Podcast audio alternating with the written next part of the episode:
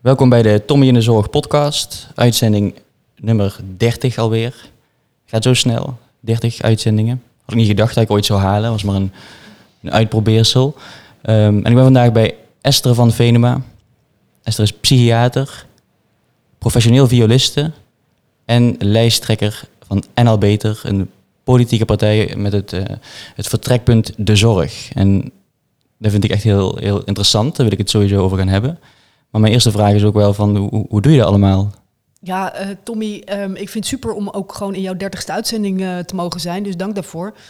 Ehm, ja, het zijn allemaal zaken waar ik super veel passie bij voel en die ik gewoon belangrijk vind. En ik denk dat ze met elkaar ook wel eh, in stand houden wat ik belangrijk vind om te doen. Dus als ik zeg maar heel veel heftige psychiatrische patiënten heb en ik heb daarna een avondje om viool te studeren, dan kloppen de dingen weer of zo. Mhm. Ja, want je kunt ook een beetje ontspannen of zo door juist met de viool bezig te zijn, denk ik. Ja, het is een andere vorm van inspanning waardoor het weer in balans kan komen. En ja, een politieke beweging is ook weer een manier voor mij om uh, allerlei emoties die ik op een andere manier niet kwijt kan, om daar constructief iets mee te doen. Dus het, het geheel klopt wel, moet ik zeggen. En als je nou moet kiezen, dat is een moeilijke vraag natuurlijk, maar als je moet kiezen van wat ga je, wat ga je dan doen? Zeg maar, als jij nu een pistool op mijn hoofd zet en ik moet echt één van die drie dingen kiezen, ja, dan denk ik op de lange termijn dat ik toch uh, voor, de, voor het psychiater zijn kies. Mm -hmm. Het is zo'n mooi vak. Ja, maar gelukkig hoef je niet te kiezen. Tot nu toe niet. Nee. Goddank niet.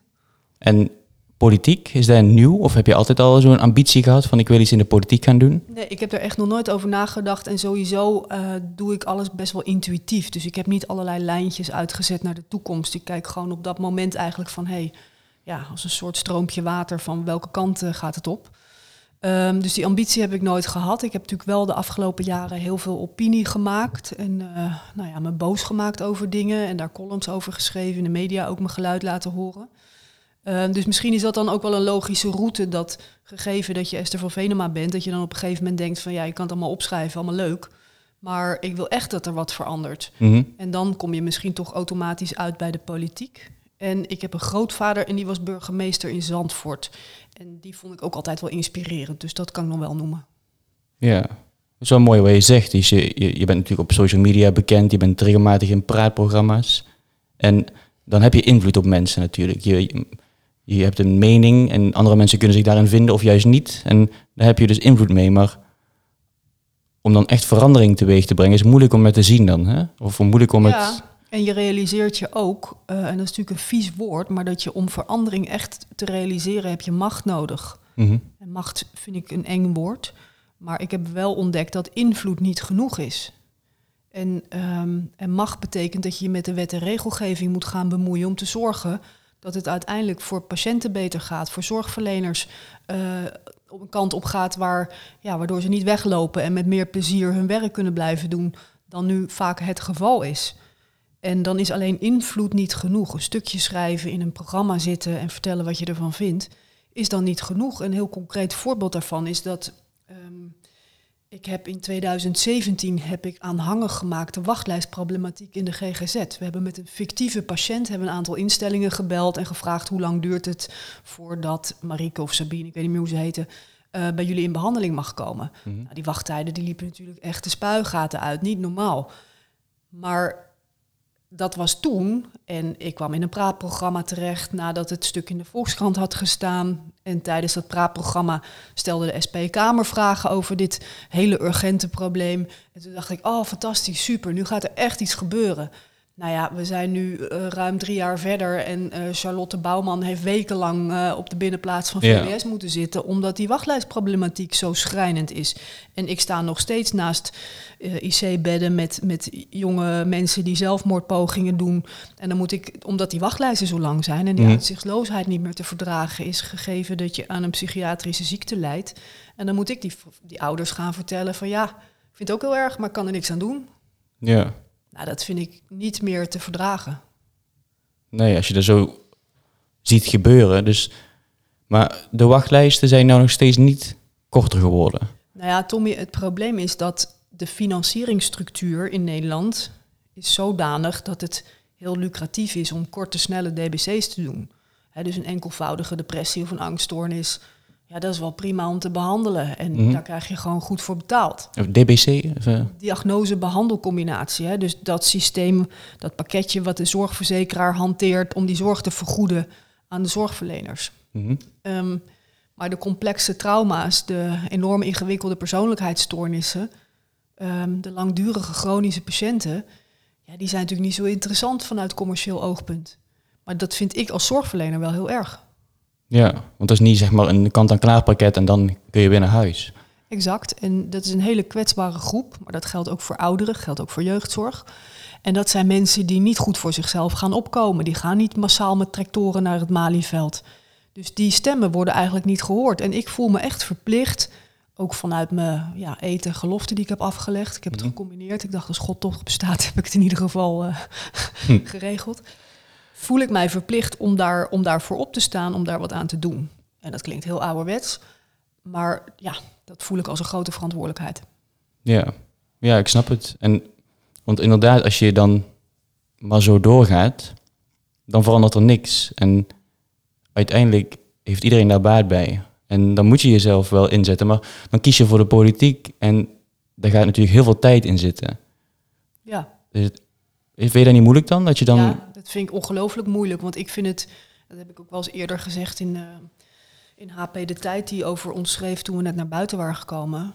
Ik vind het echt schandalig dat ik mijn spreekkamer uit moet om eh, iets te gaan doen aan een probleem waarvan ik vind dat de politiek dat zelf had moeten aanpakken. Mhm. of allerlei bestuurders die daar heel erg veel geld voor krijgen.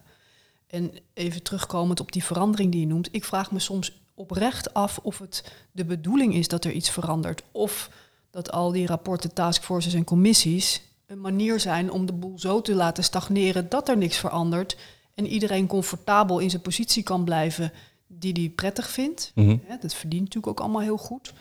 Ehm, maar nogmaals, die kwetsbare groepen, die worden daar steeds meer de dupe van. Ja.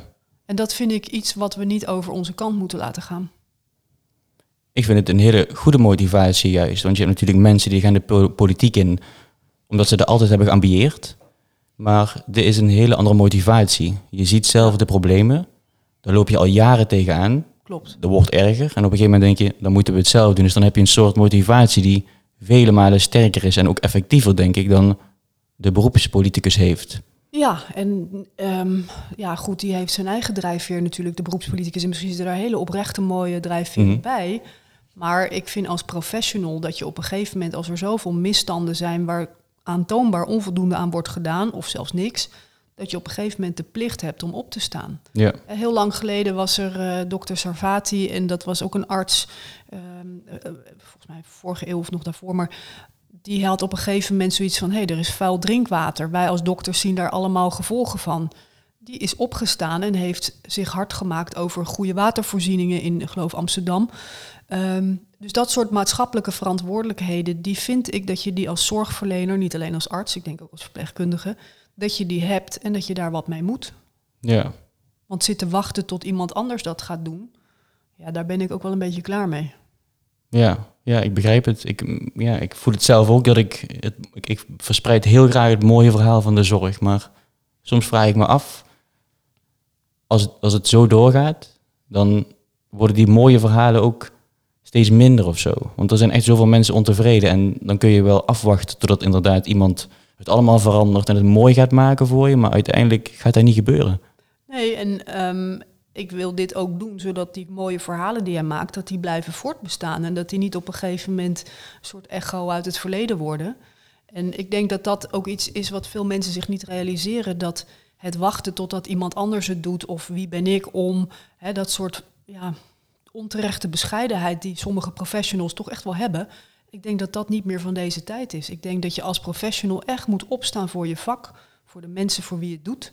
En van je moet laten horen. En niet op het Malieveld, maar door echt je aan te sluiten en te zorgen dat er dingen veranderen. Ja, Ik vind dat echt een verantwoordelijkheid, als ik heel eerlijk ben, van elke professional. Ja, daar heb je gelijk in. En ik denk dat we inderdaad in de zorg eh, heel bescheiden zijn. Gewoon doorgaan met de goede intenties voor de patiënten, cliënten, maar onszelf daarin vergeten. En op de lange termijn gaat dat dan wel voor probleempjes zorgen. Want als we het niet volhouden, wie gaat er dan zorgen? Nou ja, precies. En de vergrijzing die moet nog eh, tot volle wasdom komen. En wat je zegt is wel belangrijk, hè? Van ehm, de passie voor de patiënt en de verantwoordelijkheid voor de patiënt of cliënt, die is, die is vaak heel goed en mooi aanwezig. Alleen we zijn zo braaf, we zijn zo gehoorzaam. Hoe vaak ik niet heb gehoord, ik weet dat het onzin is en het is belachelijk dat ik dit moet vinken of doen of weet ik wat allemaal of deze teammiddag moet doen. Maar ja, het moet, dus we doen het maar. En dan denk ik, waar is je burgerlijke ongehoorzaamheid? Wat gebeurt er als je het niet doet? Gaan er dan mensen dood? Nee, waarschijnlijk zelfs minder ze. Mhm. Maar hè, dus, dus dat brave, volgzame van heel veel professionals, dat, dat vind ik heel ernstig. En dat is ook top-down probleem. Hè? Ik bedoel, uh, instellingen die hebben soms zeven managementlagen, waardoor je niet meer snapt waar nou precies hoe de hazen lopen. Ja, en daar kan je van onder de indruk zijn. Dan denk je, ja, maar ja, als ik het niet doe, dan uh, hebben we volgend jaar geen budget. Of dan um, word ik gekort op dit of dat. Um, persoonlijk is mijn ervaring, om, om een heel concreet voorbeeld te gebruiken, dat wij werden gevraagd om een bepaalde diagnose niet te gebruiken omdat die niet werd vergoed door de zorgverzekeraar. Ja. dus iemand die een aanpassingsstoornis heeft, die kan daar heftig door ontregeld zijn en zelfs een uh, zelfmoordpoging doen voortkomend uit die stoornis. Maar die stoornis werd niet vergoed. Dus dan werd ik gevraagd om te frauderen en om te zeggen, ja, het is toch een depressie, want die werd wel vergoed. En, en, en de tegenstand die je dan ervaart als je zegt van ja, maar ik doe er niet aan mee. Ik ga niet frauderen omdat dat financieel beter uitkomt. En het is gewoon niet waar dus het is ook, je wordt aan alle kanten dan belaagd. Dan krijg je een brief van de salaris, uh, salarisafdeling van ja, maar dan wil je dus dat de patiënt de rekening krijgt. Nee, dat wil ik niet. Maar dus het is ook zo moeilijk om je te verzetten tegen een systeem wat op bepaalde punten gewoon niet deugt. Nee, dat is wel heel heftig. Dat je gewoon iemand anders een label moet geven. Um, die eigenlijk niet klopt, maar anders wordt het niet vergoed. Precies, maar ook heel veel andere voorbeelden. Dat mensen, wat ik al zei, uh, urenlang uh, zinloze teambijeenkomsten moeten doen om uh, voor registratie van het een of ander nutteloos iets ten koste van wat ze eigenlijk willen doen, patiëntenzorg of mhm. lijstjes moeten invullen over zaken waarvan je zegt, ja, is dat nou relevant? Ja, maar het moet, het moet. Um, en het is, het is zo moeilijk, maar zo belangrijk om met elkaar daar tegen in verzet te komen en het systeem gewoon aan te pakken wat dit mogelijk maakt. Ja. En, um, of klink ik te activistisch nu? Nee, helemaal niet. Ik, ik, ik, ik ik geloof het en ik denk echt dat dit ook het moment is dat er een partij komt die voor de zorg staat. En natuurlijk hebben allerlei partijen, die vinden de zorg heel belangrijk. Maar ik denk dat ze te groot zijn of zo om nog die keuze te kunnen maken, omdat er te veel belangen zijn of zo. Dus ik denk oprecht dat dit echt heel goed is en dat zorgverleners hier heel blij mee zijn.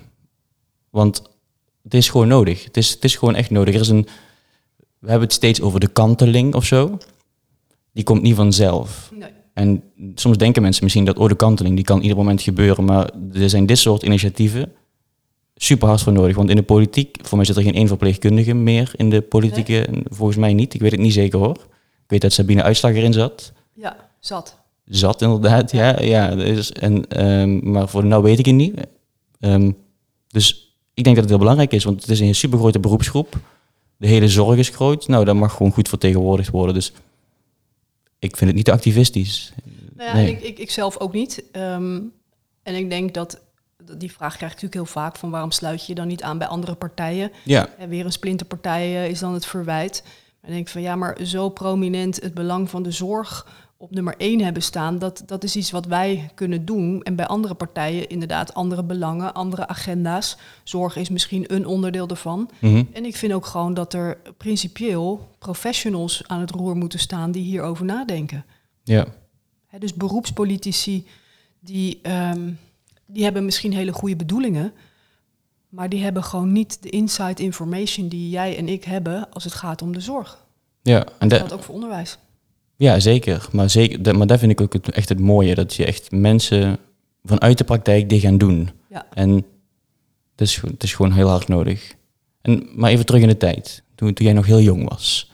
Toen jij moest gaan kiezen wat je later wilde worden. Wil, wil je toen psychiater worden of wil je violiste worden? Of? Ach, dat is echt een moeilijke vraag. Want ik, ik, ik vond zoveel, vind zoveel dingen interessant en de moeite waard. En ik heb nog wel eens geoloog willen worden. Dus dan ga je in spelonken zoeken naar allerlei schatten. En dat doe ik dan nu in mensenhoofden, denk ik dan wel eens. en ik wilde visagiste worden om mensen mooi te maken. En dat hoop ik dan mentaal daar mijn steentje nu aan bij te dragen. Ik wilde altijd violiste worden, want dat is ook echt wie ik ben, die muziek. Ehm, en geneeskunde ben ik gaan studeren, niet zozeer met de gedachte om psychiater te worden. Ehm, en na, de, uh, na het artsenexamen ben ik een jaar op de eerste hulp gaan werken in Zwijndrecht. Dat was echt een heel mooi jaar. En toen merkte ik op die eerste hulp dat. Want ik twijfelde toen heel erg tussen chirurgie en psychiatrie. Dus echt de acute chirurgische kant van de geneeskunde. Maar ik vond de psychiatrische patiënten die op de eerste hulp kwamen, vond ik toch, ja, ik weet niet, die hielden me het meeste bezig. Mhm. En um, ik vond blinde darmen op een gegeven moment allemaal op elkaar gaan lijken, maar een depressie en een psychose is altijd anders. Ja. Dus ik vond dat wat creatiever. Dus uiteindelijk is, is dat wel heel belangrijk jaar geweest om die keuze vol overtuiging te kunnen maken. En sowieso, weet je, mijn vak is natuurlijk zo boeiend, omdat het gaat over stoornissen in het denken, in het voelen en in het gedrag en in de waarneming ook. En dat bepaalt natuurlijk in, belangrij in belangrijke mate wie we zijn. Dus het is super wezenlijk. Mhm. Dus ja, op die manier met mensen bezig zijn als zorgverlener vind ik altijd ook wel een hele grote eer. Want het is natuurlijk heel intiem wat mensen je vertellen en laten zien. Ja, ja zeker. Het is eh, echt de binnenkant Ja. die, die zeg maar niet tastbaar is. Nee. En die heel veel mensen natuurlijk ook voor anderen weghouden vaak. Ja, Ehm, en nogmaals, die ook echt bepalen van hey, hoe sta ik in het leven? Hoe kijk ik naar mezelf? Hoe kijk ik naar de wereld? Ja, dus dat is, dat is altijd heel fascinerend wel. ik heb deze vraag ook aan Dirk gesteld. Van, ik vind niet echt een vraag, maar spiritualiteit. In hoeverre een psychiater, denk ik dan, is toch, toch, je bent toch dokter, je hebt toch diagnoses, je hebt toch, hoeveel, is daar veel eh, oog voor, zeg maar, als mensen nou echt daarmee bezig zijn met hele existen- ex- existentiële vragen? Ja, Dirk de Wachter die kan daar heel mooi inderdaad over, over nadenken en praten. Ik vind spiritualiteit heel belangrijk in je, in je anamnese om dat mee te nemen. Hè. Ik bedoel, als ik iemand tegenover me heb die uit Urk komt, Mhm. in de war is, ja, dan, dan weet ik dat, dat de rol van de religie van God super belangrijk is. Mhm. Of eh, iemand uit Suriname die heel erg met Winti bezig is. In de Ja. hoop dat daardoor de verwardheid van eh, hun zoon eh, verbleekt. Ja, daar moet je wat mee, daar moet je over in gesprek. En ik vind dat ook, ja, ik vind het wel compleet maken. Mhm. Ik ben zelf heel, heel religieus opgevoed, dus ik heb die gevoeligheid ook wel. Mhm. Ehm, dus dat vind ik heel belangrijk om, om dat mee te nemen, ja. Ja, ik vind ik altijd wel, want omdat het toch nog op een ander level zich bevindt of zo. Als, snap je wat ik Ja. bedoel? Of ook weer helemaal niet. Het zit helemaal, het is ook niet tastbaar of zo. En mensen zijn daar toch, merk ik, tegenwoordig ook heel veel mee bezig. Met zingeving en misschien was het vroeger was het iets gekaderd. Hè? Je had dan natuurlijk de kerk en zo is het. Misschien Maar- meer vanzelfsprekend, hè? want je ging gewoon naar de kerk en je hoorde bij een bepaalde zuil. En nu moet je dat veel bewuster zelf die stap zetten om dat of te blijven doen of om dat te gaan doen. Mhm. Ehm, maar het bepaalt natuurlijk, net als veel psychiatrische klachten, bepaalt het natuurlijk heel erg, misschien in positieve zin ook, eh, hoe je naar de wereld en naar jezelf kijkt. Hoe ga je om met elkaar? Wat, wat maakt het leven zinvol voor je? Ja. Wat is het mooiste wat je ooit hebt meegemaakt? Oh nee, ik ga eerst met het moeilijkste beginnen tijdens je werk. Wat is het moeilijkste dat je ooit hebt meegemaakt? Ehm, ik vind heel erg naar altijd, en dat is ook een concreet beeld wat ik voor me zie, dat je dan eh, tijdens mijn opleiding was dat voor de eerste keer dat je dienst hebt, s'nachts, en dat er een verwarde jonge man wordt binnengebracht op de gesloten afdeling, waarvan iedereen weet, oh, dit is schizofrenie. En het is de eerste psychotische episode. En het was een briljante natuurkundestudent. En hij ging zich steeds meer gek gedragen, isoleren op zijn kamer, alles afplakken met zilverfolie. En in de familie kwam het ook voor die aandoening. Dus het moment dat dan die brancard eh, uit die ambulance met politie ernaast, omdat hij heel agressief is geweest, dan de afdeling op komt rijden, die ouders erachteraan. En dan dat drama dat je weet van, ja, dit is gewoon een verschrikkelijke diagnose. Kanker is een nare diagnose, maar schizofrenie ook. En de knik in de levenslijn, zoals dat ook officieel heet, van zo'n veelbelovend jong leven, om daar dan op dat moment getuige van te zijn, dat vind ik heel, heel naar. Dus dat is een hele moeilijke. Zo. Eh, Ik eh, probeer even nou... eh, Inderdaad, de eerste keer dat iemand zoiets krijgt. Dus dan ook daarna zo'n een traject ingaat. Of ook, het, ook zelf het besef heeft van... Oké, ik ben toch een beetje ziek of zo. Of een label krijgt. En hoe, daar, hoe, hoe, hoe erg dat beïnvloedt. Of hoe, hoe erg iemand daar last van zou kunnen hebben. Ja, en in hoeverre het ook dromen en verwachtingen eigenlijk knakt. Hè? Want iedereen heeft voor zichzelf, maar ook als ouders voor hun kind...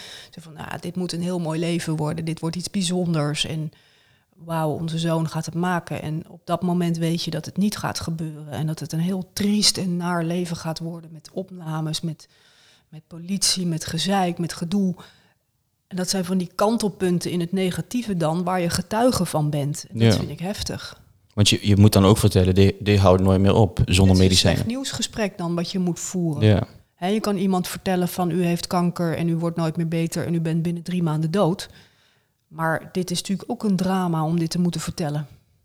ja want, je, want iemand gaat niet dood, maar leeft heel lang misschien nog met dit. Wat hij nu heeft Met meegemaakt. heel Wat, veel ellende, ja. ja. Nou ja. Er zijn ook wel mensen met dat ziektebeeld die, die zich suïcideren omdat ze op een helder moment zich realiseren wat voor leven ze hebben en zullen krijgen. En dat niet trekken. En dat begrijp ik ergens wel.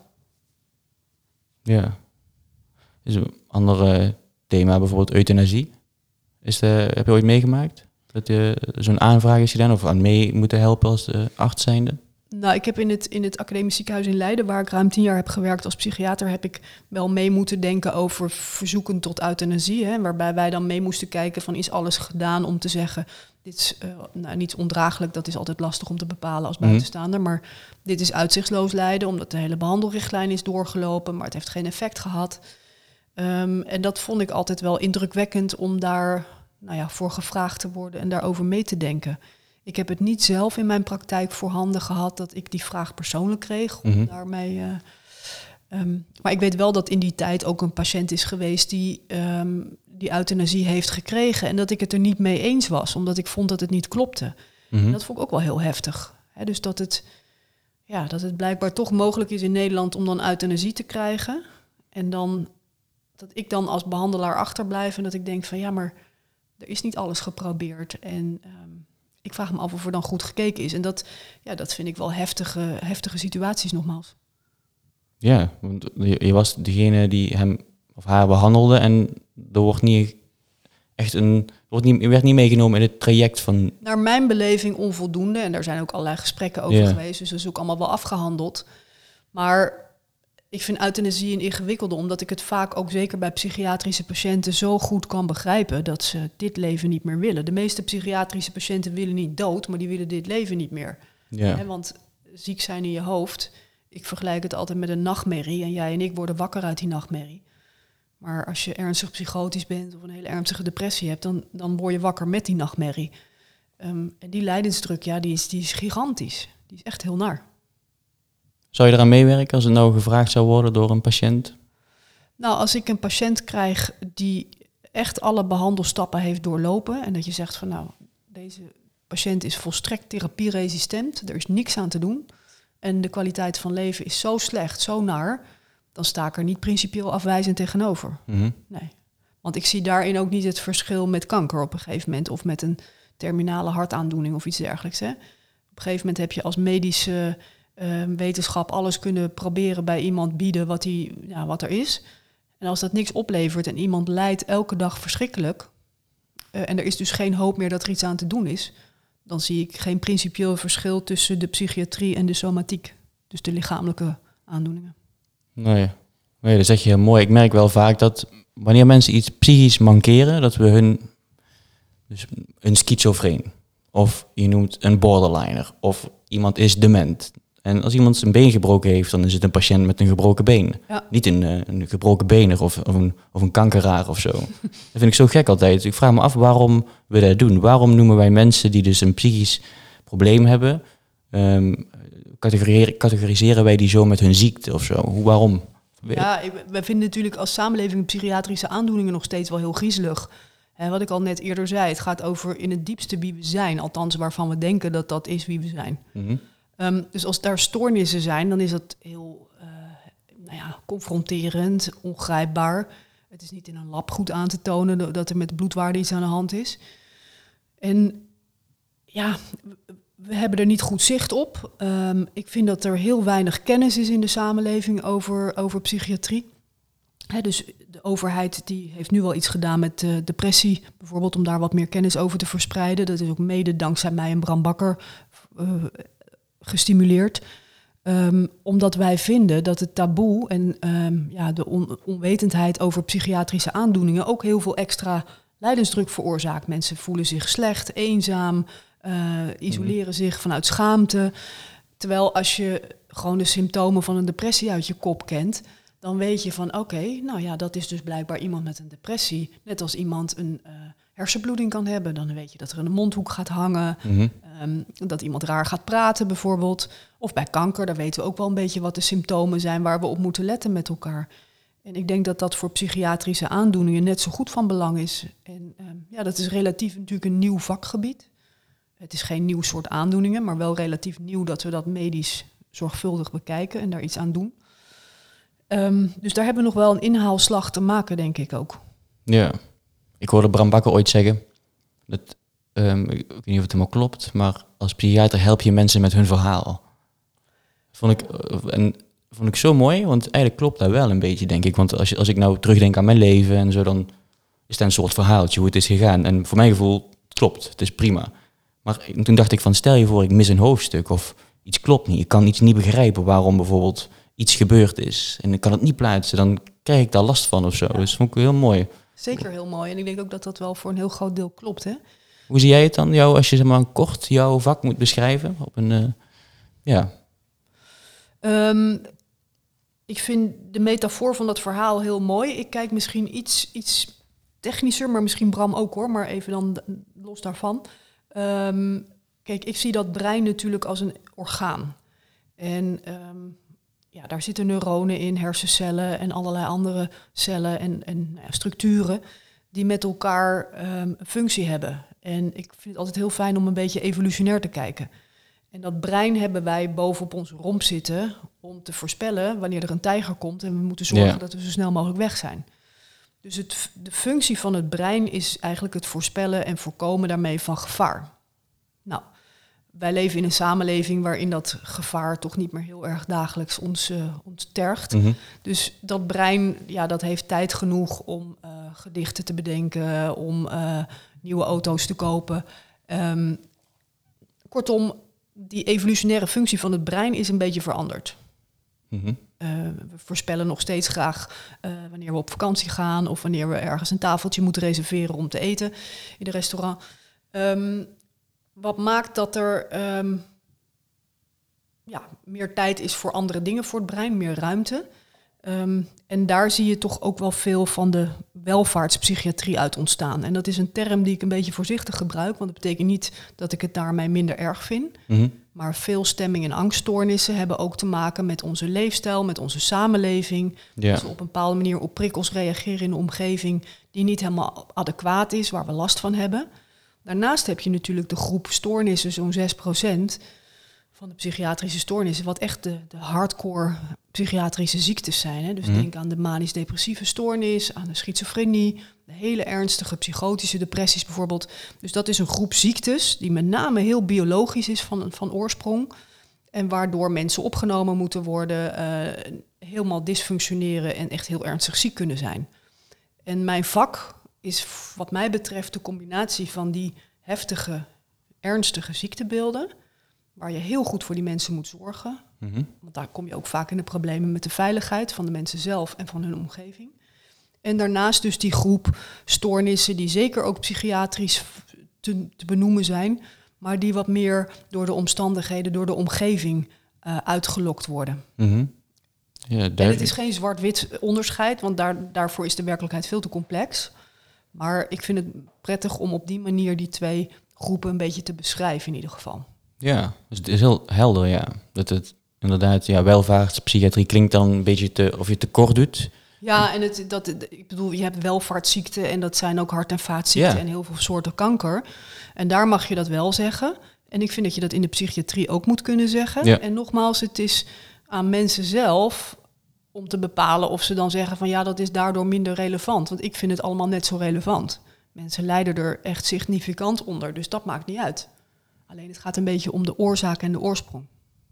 Ja, ik weet niet of het goed is hoor, moet je me maar corrigeren. Maar bijvoorbeeld hypochondrie, als wij niet wisten dat er zoveel ziektes zouden zijn, hadden we ook niet bang kunnen zijn voor zoveel ziektes, toch? Dus onze kennis, dus het feit dat wij zoveel leren, maakt ook dat we misschien angstiger worden, omdat we zeg maar, ons gaan uh, behoeden voor potentiële gevaren.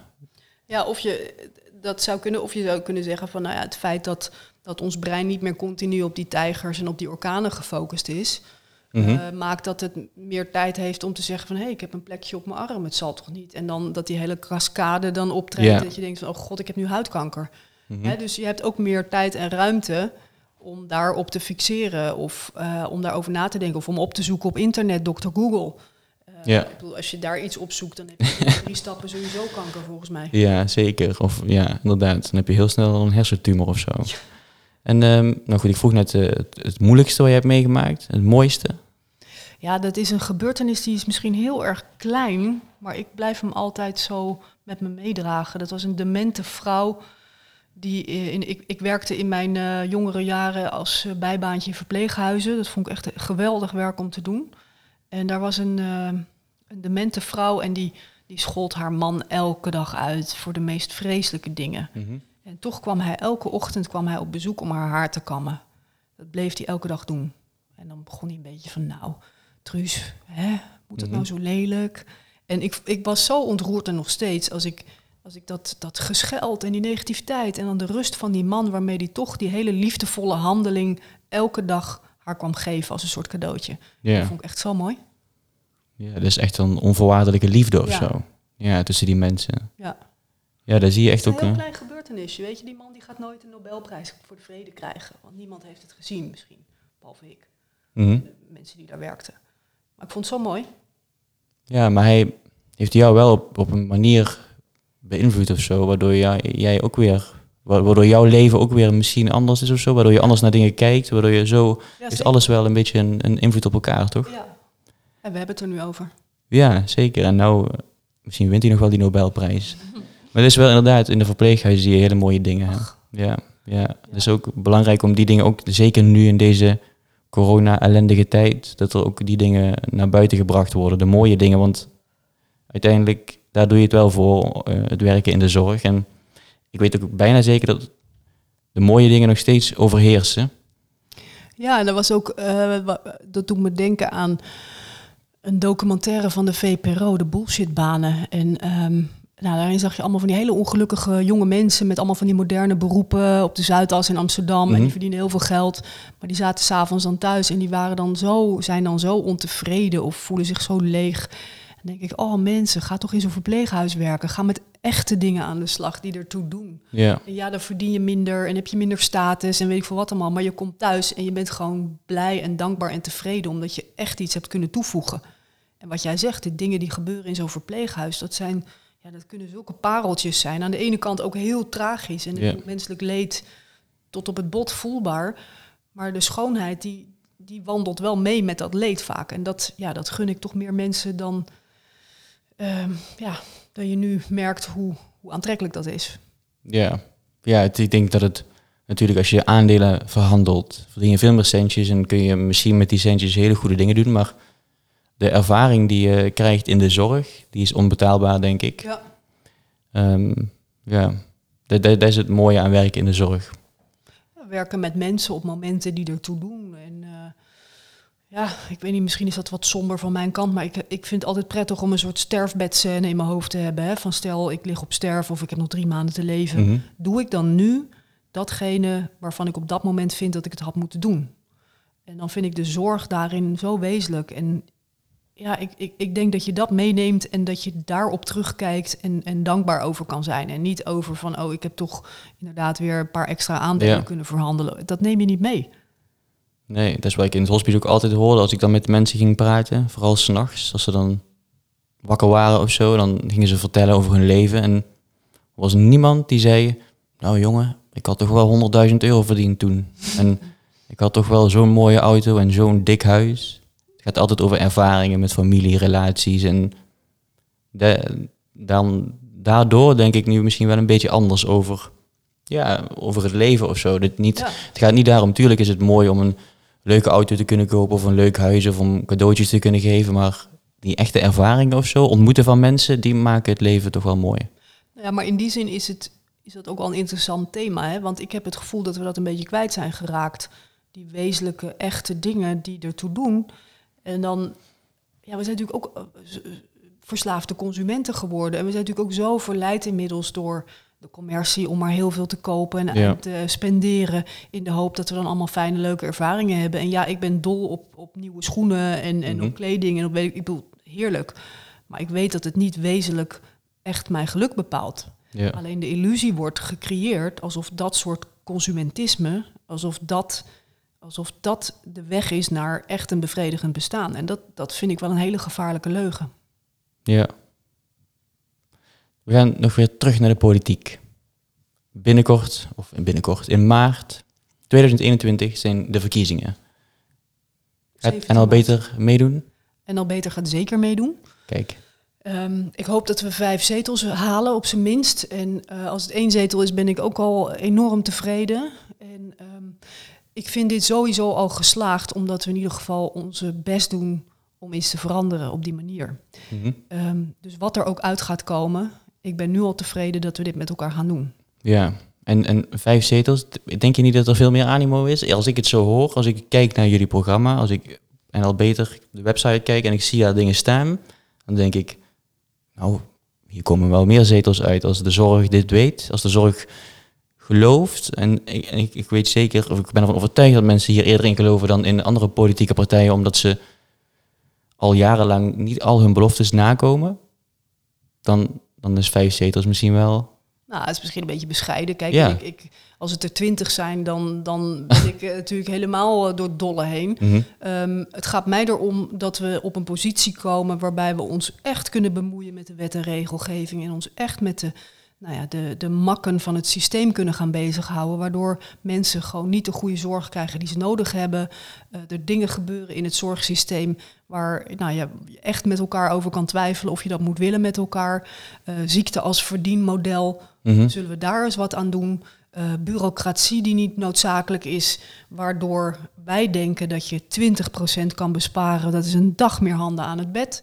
Uh, dure adviesbureaus die hele middagen claimen voor heel veel geld uh, en eigenlijk weinig toe te voegen hebben. Zullen we daar met elkaar een maximum aan budget voor uh, afspreken?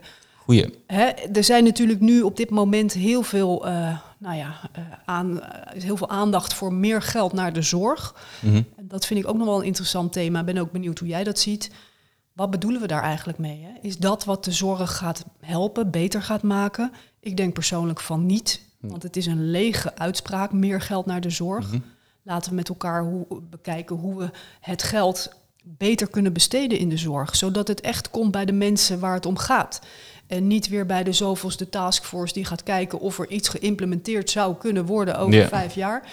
Dus dat is één punt. En het andere punt is, wat jij ook al aanstipte, ehm, volgens mij in een uh, televisieoptreden.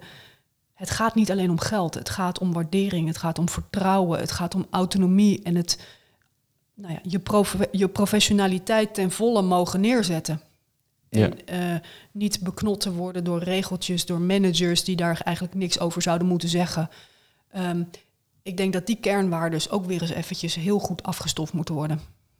Ja, ik denk het ook. Inderdaad, een lege uitspraak, meer geld naar de zorg. Ehm, want als het systeem blijft of als het is zoals het nu is, dan gooi je een bak geld erheen en dan verdwijnt het weer op plekjes waar we het niet zien. Ik herinner mij nog, ik werkte bij een organisatie en dat ik bij de OR. En toen kwam er inderdaad zo'n adviesbureau om te kijken hoe de organisatie dan beter zou kunnen worden. Berlin. Ik weet het niet meer wat het was. En uiteindelijk is daar niks mee gedaan. En zo'n adviesbureau kostte 50.000 euro volgens mij voor nou, vier weken werk. Ik zeg altijd een uh, uurtarief waar een escort girl van gaat blozen. ja, dat is een hele goede vergelijking. Maar 50.000 euro in een maand tijd en Opschuit. advies. En dan denk ik, ja, oké, prima om een adviesbureau in te huren. En als het echt belangrijk... Maar zulke bureaus... Ik, ik, neem het ze niet kwalijk, hè. Want ik zou het ook doen als ik zo'n bureau had. Die maken gebruik van de, van de problemen in de, of van de, de gaatjes in de... Ja, ja dus het is helemaal niet zo raar. We laten het zelf toe. Juist. Toch? Dat is denk ik het ding. De zorg laat het zelf toe. Eh, waarom weet ik niet, maar die organisatie is geen uitzondering. Dat gebeurt overal. En allerlei andere dingetjes die zoveel geld kosten. De, hoe er met voeding omgegaan wordt, denk ik ook. En hoe er met, hoe er met ja, medicijnen durf ik niet te veel van zeggen, want ik weet er niet genoeg van. Maar ook daar denk ik dat er ook wel winst te behalen valt misschien. Ik weet het niet. Nou ja, maar, het gaat natuurlijk inderdaad over welke belangen worden er nou gediend. En daar, daar moet je nog eens goed naar kijken, denk ik, met elkaar. Ja, ja inderdaad. En, maar ook de, de allerlei lagen in de zorg. Tuurlijk, ik geloof wel dat iedereen met goede intenties in de zorg werkt, maar of het nodig is, zeg maar dat iemand er is. Nou heb je zo'n organisatie, dan heb je allemaal mensen die daar rondlopen. De ene heet dan verbinder. Wauw. Ken je de, ja, ik heb niks tegen mensen persoonlijk hoor, maar ik vind de term verbinder, als je verbindt, dan denk ik aan iemand die op de verbandkamer werkt of zo, gipsmeester, maar die doen iets heel anders. Die doen, ik weet niet wat ze doen eigenlijk. En dus de zelfsturende teams of zo, die gaan dan naar een verbinder toe. En ja, die wijst hun dan door naar iemand anders waar ze wel moeten zijn. Ik vind het heel vaag. En een coaches heb je dan voor hen. Soms denk ik wel dat er behoefte, nodig, behoefte is aan gewoon iemand die keuzes maakt. Moet ik iets duidelijker zeggen? Zelfsturende teams, die moeten dus alles zelf doen. Maar uiteindelijk weten ze ook niet goed waar ze iets mee moeten. En dan hebben ze allerlei personen waar ze naartoe kunnen, maar het is heel onduidelijk wie. Begrijp je wat ik bedoel? Mhm, mhm. Ja, ja, ja. Nou, kijk, ik, ik ga altijd dan even terug uh, in de historie toen ik het nog wel kon volgen. En dan had je de professional, de zorgverlener, die zorg verleende. En toen mhm. kwamen er een aantal bij elkaar en nou, dan moesten er vakantieroosters worden bedacht en hoe dat dan werd geregeld en diensten enzovoort enzovoort. En als er meer complexiteit ontstaat, dan heb je iemand nodig die dat overziet en coördineert. Ja. Dus die dat dan gaat inregelen of zo, of hoe je het ook wil noemen. Alleen nu is dat die functie is een soort verdienmodel op zich geworden, wat zichzelf in stand moet houden. Mhm. Want het hele begrip manager, dat is natuurlijk ook een leeg begrip. Maar die instellingen die zijn nu zodanig opgetuigd dat er soms gewoon zeven managementlagen zijn mhm. die bezig zijn met managen. Dus niet met patiëntenzorg direct, maar met managen. En die mensen die moeten allemaal op vakantie en die hebben allemaal een huis met een hypotheek. Dus die moeten zichzelf ook in stand houden. Die moeten kunnen blijven aantonen dat het heel belangrijk is dat ze doen wat ze doen. Ja. En wij zijn het allemaal gaan geloven met elkaar. En ik zeg niet dat ze helemaal weg moeten, want ik ben niet anti-manager. Maar ik denk dat het wel tijd wordt om met elkaar kritisch te kijken van, maar wat is nou relevant? Wat is, nou, wat is nou gewoon normaal en gezond? Ja, dat klopt. Heb je gelijk. En, en eh, ik heb ook niks tegen zelfsturende teams bijvoorbeeld, want bij, of zelforganiserend, bij buurtzorg bijvoorbeeld, gaat het heel goed. Ja. Maar het fundament van zo'n organisatie is zelfsturing. Dus het gaat daar, ik heb daar gewerkt, ik vond het super fijn. Mhm.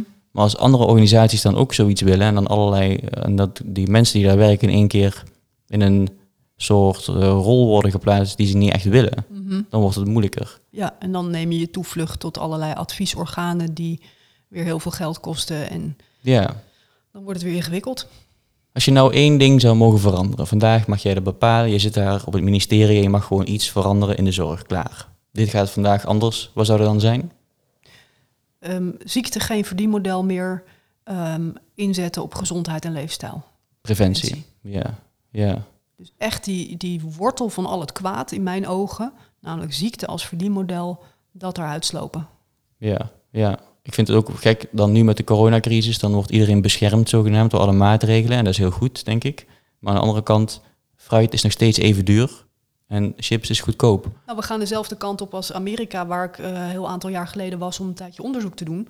En als arme student was ik stom verbaasd, echt verbijsterd, dat het dus goedkoper was om een uh, maaltijd bij McDonald's te regelen dan mhm. in de supermarkt gewoon gezonde verse groenten en fruit te kopen. Dat was, ik denk dat dat wel twintig jaar geleden was in Amerika. Mhm. Maar we zijn dezelfde kant op gegaan in Nederland. Inmiddels is het zo ver hier gekomen dat, ook al realiseren we ons dat niet voldoende, dat postcode bepaalt wanneer je doodgaat. Ja, is dat zo? Ja dus er is zo'n grote ongelijkheid tussen de lagere en de hogere economische groepen als het gaat om gezondheid. Gezondheid is een elitair iets aan het worden in Nederland. Maar, maar is, dat zo, is het niet zo dat als ik zeg maar in de bijstand zit en ergens in een postcodegebied woon waar iedereen in de bijstand zit, dat ik minder goede zorg krijg dan iemand die ehm, Ehm, in het gooi woont of zo? Nou, of, het eh, gaat niet alleen over de zorg. En het, kijk, ik denk als jij opeens in een ander postcodegebied gaat wonen, dat je je gezonde leefstijl wel meeneemt. Maar het gaat erom dat als je daar geboren wordt en opgroeit, ja, ja. dat het gaat over leefstijl. Welke uh, verleidingen krijg je op je pad? Hoe gaat, hoe gaat het uh, als je naar school gaat zonder ontbijt? Dat zie je toch meer in andere postcodes dan in het gooi. Mm wat, wat is het idee ten aanzien van, van roken, van fastfood, drugsgebruik? Daar zie je gewoon nu verschillen in postcodes door ontstaan. Of die zijn er. En dat leidt natuurlijk tot ja, uh, minder um, kans op gezonde leefjaren, meer kans op ziekte, meer kans op eerder overlijden. En het is natuurlijk statistisch, hè, want per individu zullen er uitzonderingen zijn. Maar ik vind dat wel een chockerende constatering. Ja, de, ook de, de onderwijs begint dan, hè, de basisscholen. En, Voilà. ja, Ja. dat denk ik wel. Ja. Gezien de tijd heb ik nog één vraag voor jou. En dat is de vraag, wat betekent zorg voor jou? Ja, dat, dat is een, eh, het eerste wat bij mij opkomt. Want ik heb daar nog niet echt zo lang en vaak over nagedacht. Gek genoeg, want ik doe het gewoon. Het is wie ik ben. Maar het betekent kunnen verbinden met de ander, denk ik. En dan echt verbinden. Dus niet de modieuze term verbinden, omdat het zo politiek correct is. Maar echt in contact kunnen staan met de ander die mij op dat moment nodig heeft en waarvoor ik iets kan betekenen. Mooi. Mooi. Oké, mensen kunnen, waar kunnen ze NL Beter vinden? nlbeter.nl, denk ik. Nlbeter.nl. Googelen. Ja, googlen. we- Twitter zijn we te vinden, Facebook, ehm, Instagram ook. Dus eh, volgens mij ontkom je er niet aan om het, eh, om het eens een keertje te gaan opzoeken. En eh, nou, te kijken wat je ervan vindt. Ons te mailen als je kritiek hebt of ideeën hebt. Wij willen in contact met burgers en horen wat ze bezighoudt. En ehm, wij willen echt het volk gaan vertegenwoordigen. Ja, mooi. Ik vind het heel mooi. Ik denk ook eh, ja, dat we hier nog meer van gaan zien. De campagne begint, denk ik ook. Of ga je ook Ja, voor een is- Is die grote... niet al stiekem begonnen een beetje? Ja, zeker. ik denk dat dit ook bij de campagne hoort. Maar ik bedoel, ga je ook van die flyers ophangen of flyeren of zo? Of hoe, Nou, dat is hoe, natuurlijk wel echt eh, lekker ouderwets om met Ja. op Zo'n emmer met, met zeepsding dan, eh, ja. Ja. Nou, wie weet. Ik denk dat het niet mag, of wel? Met, aan, mag het wel, denk je? Veel dingen die niet mogen tegenwoordig, eh, Tommy. We hebben social media en daar gaan jullie zeker soort- nog... eh, Ja, zeker. En we zoeken nog verpleegkundigen, hè. Want we willen niet over verpleegkundigen praten, maar we willen dat verpleegkundigen met ons meepraten en doen. mhm. Dus Nou, meld je allemaal aan. ja. nlbeter.nl. Zo is het. Dankjewel, hè.